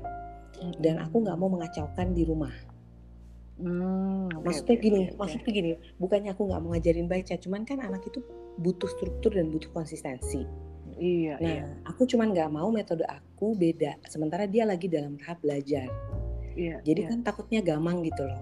Mm-mm, mm-mm. Kalau di sekolah dibelajarin phonics, terus aku belajar BABA, BIB, nah Mm-mm. kan nanti takutnya dia bingung gitu. Jadi aku aku aku bagian ini aja. Jadi waktu di sekolahnya dia yang TK itu Mm-mm. eh, seminggu sekali kalau nggak salah dibawain pulang buku. Nanti disuruh Oh. baca gitu. Nah Hmm. pada saat dia baca aku dampingin. Mm-mm. Jadi aku paling benerin pronunciation-nya, Mm-mm. terus sambil mancing. Ini tadi ceritanya tentang apa? Apa yang kamu suka sih dari sini? Gitu. Ada nggak kata-kata di sini yang kamu nggak tahu? Gitu. Tapi aku nggak ngajarin dalam artian cara membaca uh, suatu kata gitu. Oke. Bisa of of gitu kan? A fan gitu contohnya. Kan aku nggak tahu. Hmm. Maksudnya dalam artian gini, aku jangan sampai aku juga salah nyebutnya. Iya, iya, iya, iya. Nanti kalau aku salah ngajarin phonicsnya ntar dianya bingung kok di sekolah kayaknya diajarinnya ini kenapa di rumah diajarinnya beda gitu jadi aku lebih baik bisa Iya. ya udah bukan cara perjus katanya tapi bisa Nah. cara baca fan ya fan aku sebutin hasil akhirnya aja gitu Heeh. Terus depannya diganti hurufnya ya biasanya. Apa sama nggak ya sistemnya dengan sistem di sekolah anakku? Jadi dari fan, ten, ren, ya gitu deh. heeh, terus kadang-kadang misalnya huruf belakangnya diganti atau vowelnya yang diganti kan gitu Heeh, Heeh, kayak heeh. gitu sama sama sih aku perhatiin sama karena dia Tapi suka di bawa worksheet kan dia suka bawa worksheet iya, mana yang iya. mana yang sebutnya misalnya eh, ah ah gitu Mm-mm, mm-mm. nanti suruh dilingkarin yang bunyinya seperti itu ya kayak gitu Kalau di TK anakku itu tiga tahun, eh, Mm-mm. mereka baru belajar bahasa Indonesia di K3, apa sih TKB lah ya. Karena gitu, pengennya konsisten dulu di usia kecilnya. Jadi Hmm. benar-benar eh, bahasa Inggris full 2 tahun, terus begitu mau masuk ke SD baru dikenalin bahasa Indonesia. Nah, begitu K3 itu sempat agak bingung tuh anakku antara BAB Bu dengan phonics. Cuman lebih kuat dasarnya di phonics sih. aku juga nggak ngerti tuh gimana caranya gurunya ngajar tapi yang jelas sih kalau nggak salah sih sama sih baru TKB dia ada Iya, bahasa iya, iya. Indonesia Heeh, ada pelajaran Iya, bahasa iya. Indonesia gitu itu sih tapi tapi beneran begitu selesai TK anakku alhamdulillah udah bisa lancar tanpa harus les apa namanya kan ke Oh, listung lah apa gitu oh, karena aku oh, sendiri untuk anak-anakku pada saat mereka TK aku nggak ada push apa-apa. Nggak nggak harus bisa. Maksudku gini kan ada orang tua yang ingin anaknya benar-benar begitu masuk SD udah clear lah semuanya. Udah bisa baca menulis berhitung gitu. Aku nggak aku sih termasuk yang nggak seperti itu ya. Aku mengikuti sekolahnya aja. Iya, kalau iya, sekolah iya, setuju. sekolahnya yang pertama dan kedua tuh beda tuh. Kalau sekolah yang pertama tuh kan dia kurikulum nasional Mm-mm. yang sekolah yang kurik yang kedua dia eh, apa namanya ya yang belajar bahasa Inggris lah di sekolahnya gitu kan eh, Mm-mm. sebagian besar gitu nah IB? itu enggak pakai IB, Cambridge. Hmm, apa ya mungkin kayak eh, ya, SD-nya sih ya. Cambridge tapi kan kalau TK Ah. kan nggak nggak Cambridge Cambridge amat gitu kan Iya, iya, iya. jadi jadi apa namanya memang memang dua jenis TK yang berbeda lah gitu. Nah yang TK nasional ini kayaknya kemampuan membaca, menulis dan berhitungnya uh, cukup begitu, tapi nggak se apa ya, nggak sengotot yang kelas eh, sekolah adiknya lah gitu. Karena, Oh, iya, oke. Si adiknya itu si Yoda itu lulus TK gitu ya, dia udah bisa penjumlahan atau pengurangan yang ke bawah itu loh. Wow, serius. Serius, tapi memang belum yang minjem-minjem ya. Iya, Jadi misalnya ke bawah loh. 28 kurang 6 gitu. Iya, Iya, udah. iya, iya. aku juga takjub terus terang dia pulang bawah, "Hah, lu udah bisa begini ya ternyata gitu kan. Jadi itu kelas 1 semester 2. itu kelas Jangan 1 semester 2. kakaknya aja bilang, "Aku kayaknya dulu waktu TK belum belajar yang kayak gini deh. Aku kayaknya belajar ini primary one kata gitu." Iya. Terus kakaknya Eh. jelas kan, kenapa adiknya TK udah bisa begini ya. Tapi Tapi kakaknya udah lebih tinggi. iya.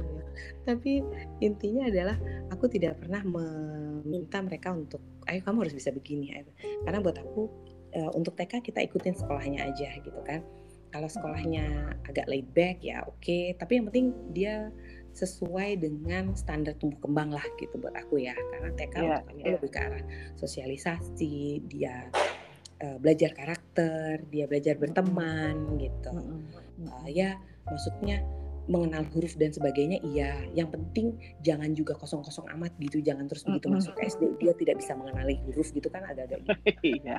juga sih sebagai orang tua gitu tapi yang penting iya. ya, bisa baca walaupun nggak terlalu lancar nggak apa-apa gitu kan yang penting uh. ini ya hanya lah dan aku nggak lesin karena aku ingat dulu waktu hanya kelas kelas sorry bukan kelas satu waktu dia TK itu ada salah satu orang tua murid yang kalau misalnya datang ke kelas dia suka bawa ini loh uh, apa namanya bu kan TK nasional ya jadi panggilnya ini ya bu. Ini si anaknya dia ya si A ini kok dia belum bisa ya lima tambah tiga. Aku bilang hah lima tambah tiga? Perasaan anak gue dia belum bawa buku dari ya, les gitu. ya? Wow gitu. bawa buku dari les ya? Iya uh, iya mbak ya? mungkin kayaknya uh, kayak gitu. oke. Okay. kalau aku ya kalau misalnya sekolahnya belum ngajarin itu ya udahlah gitu. Nanti pasti di SD bisa dikejar. Iya, itu kita mencarikan SD yang sesuai gitu. Karena kalau buat aku itu sih ya kan orang tua beda-beda ya. Aku masih lebih hmm. uh, ke arah ya TK kita mengikuti mengikuti apa namanya sekolahnya lah. Kalau kita pingin anaknya bekerja keras dari TK ya kita carikan TK yang akademik. Tapi kalau kita pingin TK yang biakan ya kita pilih yang tengah-tengah gitu. Jadi uh, aku jenis orang tua yang kita pilih sekolah yang sesuai dengan filosofi dan value kita. Ya, kalau kita keluarga.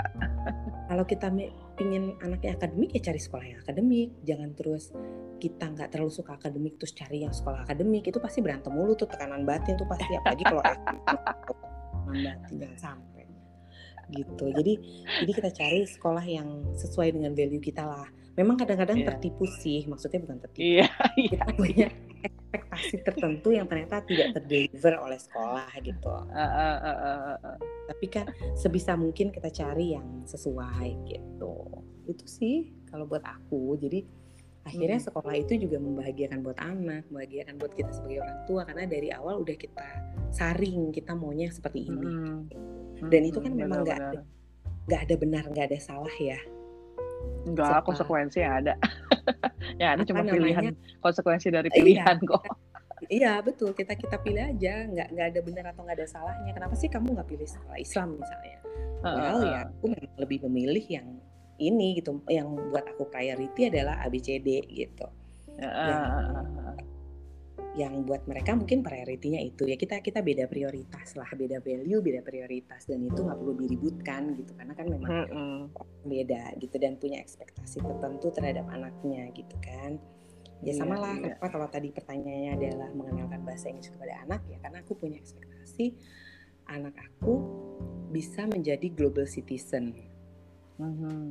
global citizen tidak hanya terfokus pada oh nanti bisa tinggal di luar negeri gitu. Enggak juga itu ya, tapi kan uh, luar negeri juga bisa datang ke kita benar nggak sih? Karena banget kan semakin lama semakin sempit ya semakin, semakin border lah gitu. Iya. jadi belum tentu kita yang pergi ke luar negeri tapi si orang-orang luar negeri itulah yang datang ke kita. Sehingga tetap aja kita harus berinteraksi dengan mereka. Dengan uh, kalau sekarang yang paling umum sebagai bahasa internasional adalah bahasa Inggris gitu. Iya, nggak tahu berapa dekade ke depan sih, ya, kan? tapi masih bahasa Inggris jadi lah. Korea gitu kan? Iya. Ya, tapi ya setidaknya yang sekarang di depan mata adalah itu, jadi at least dia punya kebisaan itu gitu. Dan tidak hanya sebagai global citizen, tapi juga kan sekarang semua gitu suka nggak suka tayangan banyak ini ini kita ngomong yang selain bahasa Indonesia gitu ya yang paling banyak adalah bahasa Inggris yeah. buku bahasa Inggris jadi ya lebih memudahkan dia untuk mendapatkan informasi mencari informasi mm-hmm. jadi mm-hmm. lebih punya fleksibilitas gitu mm-hmm. benar banget benar banget itu ya lebih lebih gitu mulai dari nge-google aja ya kalau kita keywordnya salah kita nggak tahu bahasa Inggrisnya itu bisa beda banget resultnya ya nggak sih? Iya betul itu betul ngaruh banget. loh. Betul betul. Karena Betul. ya masih bahasa internasional dan benar juga eh, luar negeri datang ke kita. Karena buat orang Australia Indonesia juga luar negeri kan? Iya. Yang ada kan kita sebagai global citizen nanti harus communicate collaborate itu kan. Mm-mm. gimana mau collaborate communicate kalau kita nggak punya toolsnya jadi memang harus disiapin dari dini ya mbak ya. Betul. Dan bersama bahasa datang kebudayaan. Mm-mm, Tuh, jadi bahasa itu kan tidak terlepas dari kebudayaan. Ya termasuk ya bahasa kita sendiri ya bahasa Indonesia. Kenapa ada mas pak gitu kan? Kenapa ada kamu ada anda? Kenapa bahasa Inggris hanya ada you? Dari situ kan bisa kebaca. Kira-kira budaya apa yang membedakan kenapa kita ada? Kenapa kita ada kamu? Kenapa kita, eh, kita ada anda? Sementara bahasa Inggris hanya ada you. Jadi dari bahasa kita juga bisa mengenal kebudayaan. Maksudnya benar-benar dari bahasanya tok ya bukan bukan Iya, terus iya. kemudian kita kita apa Iya. namanya kita tahu oh, kebudayaan dia tahu oh, apa namanya budayanya yang lain-lain nggak. Jadi benar-benar dari mengamati bahasa itu pun kita bisa melihat budayanya gitu loh bisa melihat kebiasaannya. Gitu itu sih kita jadi bisa mengenal dunia kita bisa mengenal yang lain gitu Nah, kalau sama aja kan kalau kayak bahasa Jawa pun kan ada yang bahasa sehari-hari, ada yang romo inggil, cara pakai Iya. gimana gitu kan. Nah di, dari situ kan kelihatan kenapa bahasa Jawa nggak cuma satu macam, tapi ada banyak dan bertingkat-tingkat. Itu jadi oh ternyata bahasa Korea juga tatanan tatanan kemasyarakatannya begitu ya gitu kan kan iya iya gitu, gitu sih jadi ya jadi ya biar biar lebih mengenal lah. Dan aku sih yakinnya ke depannya bahasa Inggris aja nggak cukup. Ya. jadi kalau ada orang tua yang sudah membekali anak dengan misalnya bahasa Arab gitu contohnya Mm-mm. ya bagus juga gitu. Karena pasti nantinya akan ada kebutuhan ke situ atau mungkin orang tuanya uh, mengarahkan anaknya ke arah ke arah situ gitu untuk entah belajarnya untuk kehidupan ke depannya gitu. Jadi jadi memang apa ya uh, untuk bisa beberapa bahasa itu akan sangat menguntungkan sih ke depannya gitu. Dan yang jelas sih life skill ya, Mm-mm. itu life skill ya benar banget life skill gitu. Bahasa Inggris tuh dan bahasa lainnya itu juga termasuk life skill. Gitu Soalnya di dunia masih bisa itu. masih bisa survive masih bisa diterima ya gimana ya kalau misalnya dengan bahasa itu kan ya kita memper- memperluas kesempatan Iya, terus eh, pergaulan. Terus yang kayak tadi mbak bilang kita jadi bisa belajar struktur sosial juga kan. Kenapa di bahasa Inggris cuman you? Di kita kamu anda. Di bahasa Korea ada juga tingkatannya kayak di bahasa Jawa sebenarnya. Hmm, jadi kita, kita ngelihat gimana mereka melihat tata krama, kesopanan, eh, dan suatu waktu nggak tahu gimana hidup anak-anak kita bisa bersinggungan dengan kebudayaan lain, mereka ada persiapan ya buat itu iya, dengan betul. belajar bahasa asing lain juga ya. Betul, gitu. Itu sih bukan bukan sekedar keren atau enggaknya gitu. Maksudnya uh, memang anak-anak aku masukin ke sekolah SPK yang berarti apa namanya medium of instruction atau bahasa mengantarnya sebagian Mm. besar adalah bahasa Inggris kecuali misalnya uh, apa Agama. namanya PN gitu ya, agama, PKN, Indonesia. BI, bahasa Indonesia. yang lainnya Juga semuanya bahasa Inggris. Iya, gitu. Iya, yang lainnya iya. bahasa Inggris. Nah itu dia. Ya karena itu sih gitu.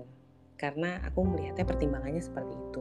Terus kalau dibilang aduh nanti lupa dong bahasa Indonesia. Oh enggak kok. Di rumah kita ngomongnya bahasa Indonesia. Aku ngomong Indonesia. Sebagian besar bahasa Indonesia. Mereka misalnya karena terbiasa di sekolah gitu ya menjawabnya dengan bahasa Inggris aku tetap jawabnya pakai bahasa Indonesia bukan berarti mereka belajar bisa. konteks, bukan belajar berarti konteks bahasanya. nggak bisa gitu. Mereka bisa gitu. Mereka memang Hmm. bisa kok nggak terus aku terus. Karena aku juga nggak mau. Aku terus juga nggak mau anak aku. Mm-mm. aku orang Indonesia mereka orang Indonesia di mana pun nanti ke depannya kita nggak tahu mereka berada mereka harus tahu root rootnya tuh di mana akarnya di mana Iya, iya, Gitu. benar Jadi- banget.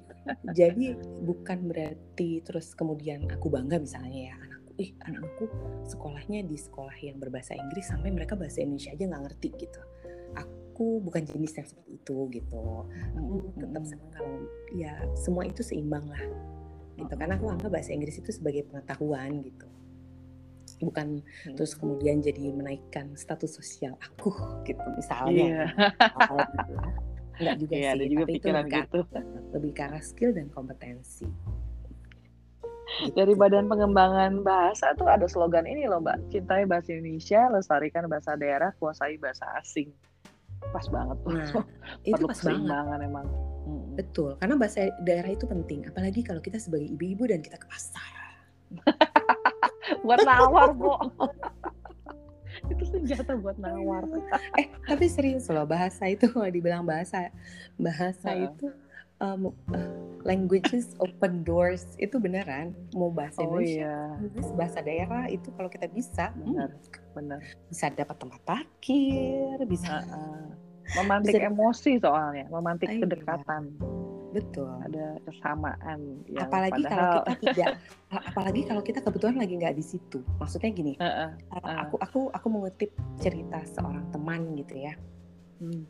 yang dia di luar negeri uh, sempat tinggal di luar negeri terus dia bilang aku kalau aku pakai kata kunci assalamualaikum itu biasanya kalau di restoran aku suka dapat porsinya lebih banyak dia bilang gitu Masa?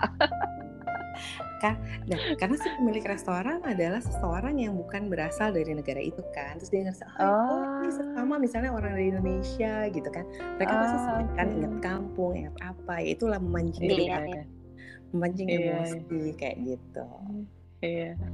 jadi dia bilang aku suka dapat freebies kata Hebat emangnya peranan bahasa ya. jadi jadi bukan cuma di sini kita ke pasar ya ternyata di luar negeri Heeh. juga ini apa namanya pakai pakem yang sama Iya, aku beli kimchi juga suka dilebihin kok. Soalnya ngomongnya pakai bahasa Korea, padahal cuma ngomong mau beli satu kilo. Ah, ya kan terbukti dari contoh sederhana di kehidupan sehari-hari iya. Wah, udah gak kerasa, Mbak. udah 80 menit. Ngobrolnya asik banget. Makasih banyak loh, Mbak Ria. Ada thank you pesan-kesan pesan-kesan terakhir buat orang tua yang ingin mengenalkan bahasa Inggris ke anak-anaknya. Eh, ya itu sih yang aku bilang tadi kalau ingin mengenalkan eh, kitanya mesti konsisten dan eh, harus ingat bahwa kita role model kita contoh kasih contoh yang pas karena sadar atau tidak sadar ak- anak akan menyerap salah satunya dari kita kalau suka dengar kan Rijo mungkin suka dengar ya. Mm-mm. keluarga adalah atau orang tua atau ibu kan itu biasanya kadang-kadang itunya suka suka diganti-ganti. Tapi intinya Iya. adalah ibu atau orang tua atau keluarga adalah madrasah pertama anak. Oh, sekolah pertama anak. Anak pertama kali berinteraksi dengan siapa? Dengan orang tua. Ini ini kita ngomong yang yang standar ya. Bukan dengan babysitter atau dengan yang lain. Tapi kan Mm-mm. Dengan orang tua baik ayah ataupun ibu atau mungkin keduanya. Nah belajarnya kan dari orang tua. Nah kita kalau memang ingin mengenalkan misalnya ya bahasa Inggris ke anak ja- jadikan diri kita sebagai contoh. Kalau kita kasih kalimat pastikan kalimat kita benar. Nggak harus panjang pendek pun nggak apa-apa tapi bermakna dan benar. Itu nanti akan dia ingat gitu loh. Eh, kalau gimana aku kayaknya bahasa Inggrisku juga kurang bagus tuh gitu kan. Ya terus harus gimana ya nggak apa-apa gitu maksudku nggak apa-apa tuh dalam artian ya kita sebisa kita kita pilih aja yang kita pasti benar dan apa dan Mm. kan zaman sekarang akses banyak ya kita Iya. juga bisa mengupgrade diri gitulah ya Iya, iya. Kita yang bisa belajar sih. juga. Ah, ha, ah. dan juga pasti kita belajar dong yang as simple as um, this is a balloon misalnya Mm-mm. kalau kita nggak tahu cara baca balloon kan tinggal di googling Iya, kita jadi tinggal orang tua denger bunyinya. jangan apa ya jangan malas menggoogling lah gitu. Udah googling males pulang, kayaknya udah keterlaluan ya. Ah, untuk memastikan ya itu tadi karena kan bahasa Inggris itu salah satu kesulitannya adalah pronunciation ya beda dengan bahasa Iya. Indonesia gitu loh. Jadi eh, kalau memang kita punya niatan seperti itu ya kita cek dulu aja gitu. Kalau kita karena kadang-kadang gini loh i- ini salah satu yang aku ingat dari orang tua aku dari ibu aku waktu aku Hmm. masih kelas 5 SD karena aku aku dulu nggak bisa bilang monkey Jadi itu aku dulu bilang nyaman eh no no uh, bukan bukan si monkey lebih tepatnya uh, dulu zaman aku SD Mm-mm. tuh yang booming namanya LA Gear Iya, tahu lah. Nah, sekarang udah nggak ada itu Kak? kan. Iya, iya. betul tulisannya kan LA terus Gear gitu kan. Gear. betul dulu zaman aku kelas 5 SD itu ya Iya. itu eh. eh, bisa dibilang semua orang pada bilangnya LA Gear Betul, betul sekali di Bandung juga gitu. ya kan ingat kan dan aku Iya. sebagai anak tidak pernah belajar bahasa Inggris ya ikut-ikut aja. Sepupu aku bilang L.A.J.R. teman aku bilang L.A.J.R. semua bilangnya begitu. Ya well buat aku yang benar berarti itu ya gitu kan. Mm-mm, tapi ibu aku bilang mau sejuta umat yang ngomong kalau salah ya salah. Cara ngecek gampang kok. Itu kata ibu aku ya. Tinggal cek kamus kenapa sih kau nggak cek? Kan kamu tahu tulisannya. Tinggal dilihat dong bacanya Hmm, mm-mm. apalagi sekarang dulu kan kamus mesti ditinggal di rumah ya nggak mungkin dibawa-bawa sekarang kan mbak Google deket banget tinggal main jari tik tik tik kelihatan Hmm. jadi maksudnya Mm-mm. akses sekarang lebih mudah untuk kita bener atau enggaknya nah it- it- Iya. itu adalah salah satu yang aku ingat dari ibu aku jadi bahkan sampai sekarang yakin akan suatu pronunciation atau penulisan aku pasti cek dulu mm-mm. karena ilmu itu adalah amalan yang kita bawa bahkan sampai kita udah nggak ada Mm-mm, mm-mm. jangan sampai kita memberikan ilmu yang salah. Bahkan satu huruf pun kan gitu ya kurang lebih. Iya, iya. jadi jadi buat aku itu itu, itu salah satu uh, pesan ibu aku yang aku ingat sampai sekarang. Jadi kita jangan jangan merasa malas lah untuk ngecek gitu karena akses itu amat sangat mudah didapat. Uh, dan se- mau seribu orang yang ngomong mau sejuta orang yang ngomong kalau salah ya salah. Kalau bacanya gear ya gear bukan jer di kamus nggak akan terus kemudian berubah jadi jer karena semua orang bilang jer aduh ibu aku tuh bener-bener deh kalau lagi kayak gitu ampun Ya Bu, ya Bu. tapi itu akhirnya mengajarkan aku untuk tertib gitu loh oh iya benar ya Iya. kayak kayak zaman sekarang kebenaran informasi itu kan orang maksudnya jadi simpang siur karena orang nggak mau ngecek padahal sebenarnya ngecek itu gampang Tahu nggak yang sekarang sering salah? Worth it, iya worth it. Aduh, orang nulisnya W- O R T H E D. Aduh, itu gemes banget gue. Grammar nazinya Iya. langsung gelogak. iya ya kan padahal Iya. sebenarnya ngeceknya gampang gampang Iya, gampang banget. Sekarang tuh gampang itu sih konsistensi dan kita harus mau ngecek gitu loh aku juga sebagai orang tua banyak salahnya tapi eh, kesalahanku di dunia ini kan sudah banyak ya jangan sampai ditambah untuk hal kecil gitu loh itu sih aku belajar Iya. tertib dari ibu aku sih aku inget banget tuh kata-kata itu aduh dari kelas lima bayangin anak kelas lima SD Heeh. aduh Yang salah bukan sejuta umat, lebih dari sejuta kali Jakarta Bandung. hmm, iya makanya LA Jer. Hmm, Aduh, itu nista banget. Ay aku aku tuh ingat aku bilang bu ada sepatu bu. Begini begini begini. Sebelahnya sebelah ibu aku cuma hah sepatu apaan tuh? kata dia. Iya sepatu itu LAJ terus ah tulisannya apaan? Kayak mungkin dia merasa nih kayaknya ada yang aneh deh. Heeh. sama itu di, dibahas abis-abisan sama guru bahasa Inggrisku pas SMP. oh ya Lu jangan berani ngomong kalau salah katanya gitu. Jangan Iya. berani, jangan. Satu patah kata pun jangan keluar dari mulut lu kalau lu nggak tahu yang bener. Aduh, iya, misrepeat namanya. kita panggilnya misrepeat karena dia selalu nyuruh kita ngulang-ngulang tensi. oh Sampai tapi- lupa loh nama aslinya. tapi ternyata itu benar kan maksudnya pada saat kita dewasa ini itu applicable untuk berbagai aspek Semua gitu hal. contoh kita informasi jangan langsung percaya mentang-mentang yang ngomong misalnya guru kita ataupun orang yang kita hormati gitu karena siapa tahu beliau nggak sempat ngecek Mm-mm. ya kan kayak gitu-gitu. Nah itu sih uh, dan itu satu dua dan yang berikutnya adalah Mm-mm. akses itu banyak kita bukakan saja akses kepada anak gitu. Maksudnya dibukakan akses itu bukan berarti ini boleh itu boleh ya gitu. Cuman maksudnya dibukakan akses tuh dalam artian kalau misalnya kita kebetulan ada kelonggaran waktu ataupun misalnya ada kelonggaran rezeki uh, dia mau les gitu. Asal kita udah cek tempat lesnya dan apa dan kira-kira sesuai dengan value kita dan apa ya kenapa enggak gitu. Nanti akan akan apa ya akan mengkerucut sendiri kok mana yang menurut mereka pas mana yang menurut mereka uh, nggak pas gitu. Akan akan kelihatan. Tapi misalnya uh, apa namanya jangan terus kita batasi gitu loh kita, kita kasih akses terhadap informasi tapi tentunya diawasin ya. Karena anak aku juga dia uh, aku nggak kasih misalnya tuh gitu. Kecuali kalau kita dampingi. Uh, dia handphone pun karena PJJ aja nih karena online. Kalau nggak dia nggak punya handphone. Dan itu ada family linknya gitu. Jadi uh, kita kita berikan kemudahan terhadap sesuatu yang bisa mendukung dia gitu. Kayak karena yang aku bilang tadi aku didukung oleh orang tua aku, disupport ya kamusnya ada, terus uh, mereka juga menyediakan waktu gitu. Kalau aku nanya mereka bersedia menjawab gitu kan. Uh, uh, uh, jadi jadi itu sih kalau memang mau mengajarkan karena ya bahasa itu kan dia melekat pada banyak hal gitu. Dan yang penting itu tadi konsistensi. Kalau anget-anget tai ayam sih ya susah juga ya gitu. Karena yeah, pada saat yeah. anaknya semangat kitanya kendor dia pasti juga kendor. Dan pada saat dia kendor ya kita harus tetap semangat supaya dia konsisten.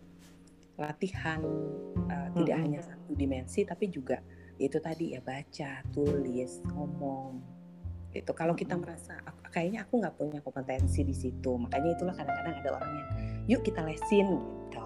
Iya tugas orang tuanya juga jangan malu upgrade diri tugas kita sebagai orang tua ya memilih tempat les yang sesuai lah kira-kira gitu. Hmm. gitu sih kalau menurut aku ya. Orang tua uh, jangan males untuk menunjukkan yang benar. Anak juga dikasih akses sesuai resources kita ya sesuai resources setiap keluarga.